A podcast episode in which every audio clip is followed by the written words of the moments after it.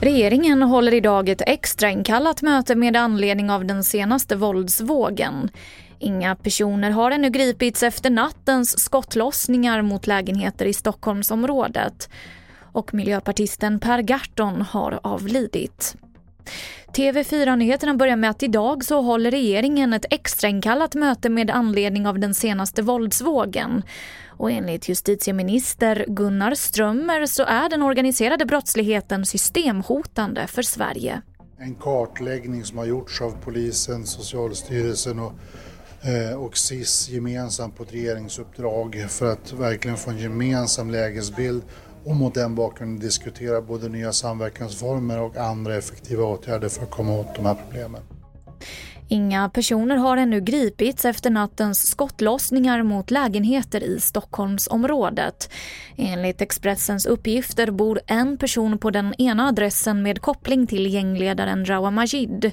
Och händelsen är en i raden av flera skjutningar som inträffat de senaste veckorna. Miljöpartisten Per Gahrton är död. Han var med och grundade partiet och var också ett av de första språkrören.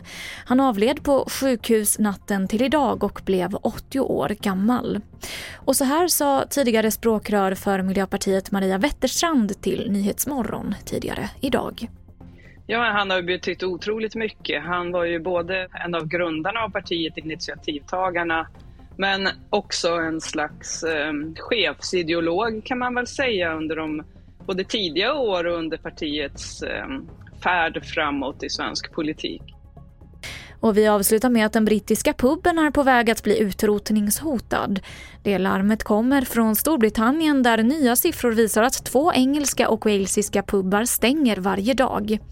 Det som ligger bakom är först pandemin, sen höga energipriser till följd av kriget i Ukraina och i år också den skenande inflationen.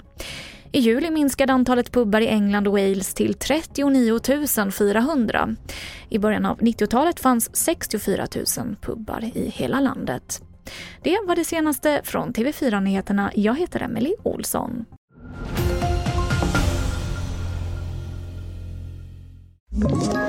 Ett poddtips från Podplay. I fallen jag aldrig glömmer djupdyker Hasse Aro i arbetet bakom några av Sveriges mest uppseendeväckande brottsutredningar går vi in med hemlig telefonavlyssning och, och då upplever vi att vi får en total förändring av hans beteende. Vad är det som händer nu? Vem är det som läcker?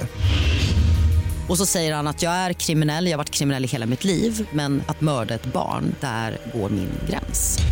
Nya säsongen av Fallen jag aldrig glömmer på Podplay.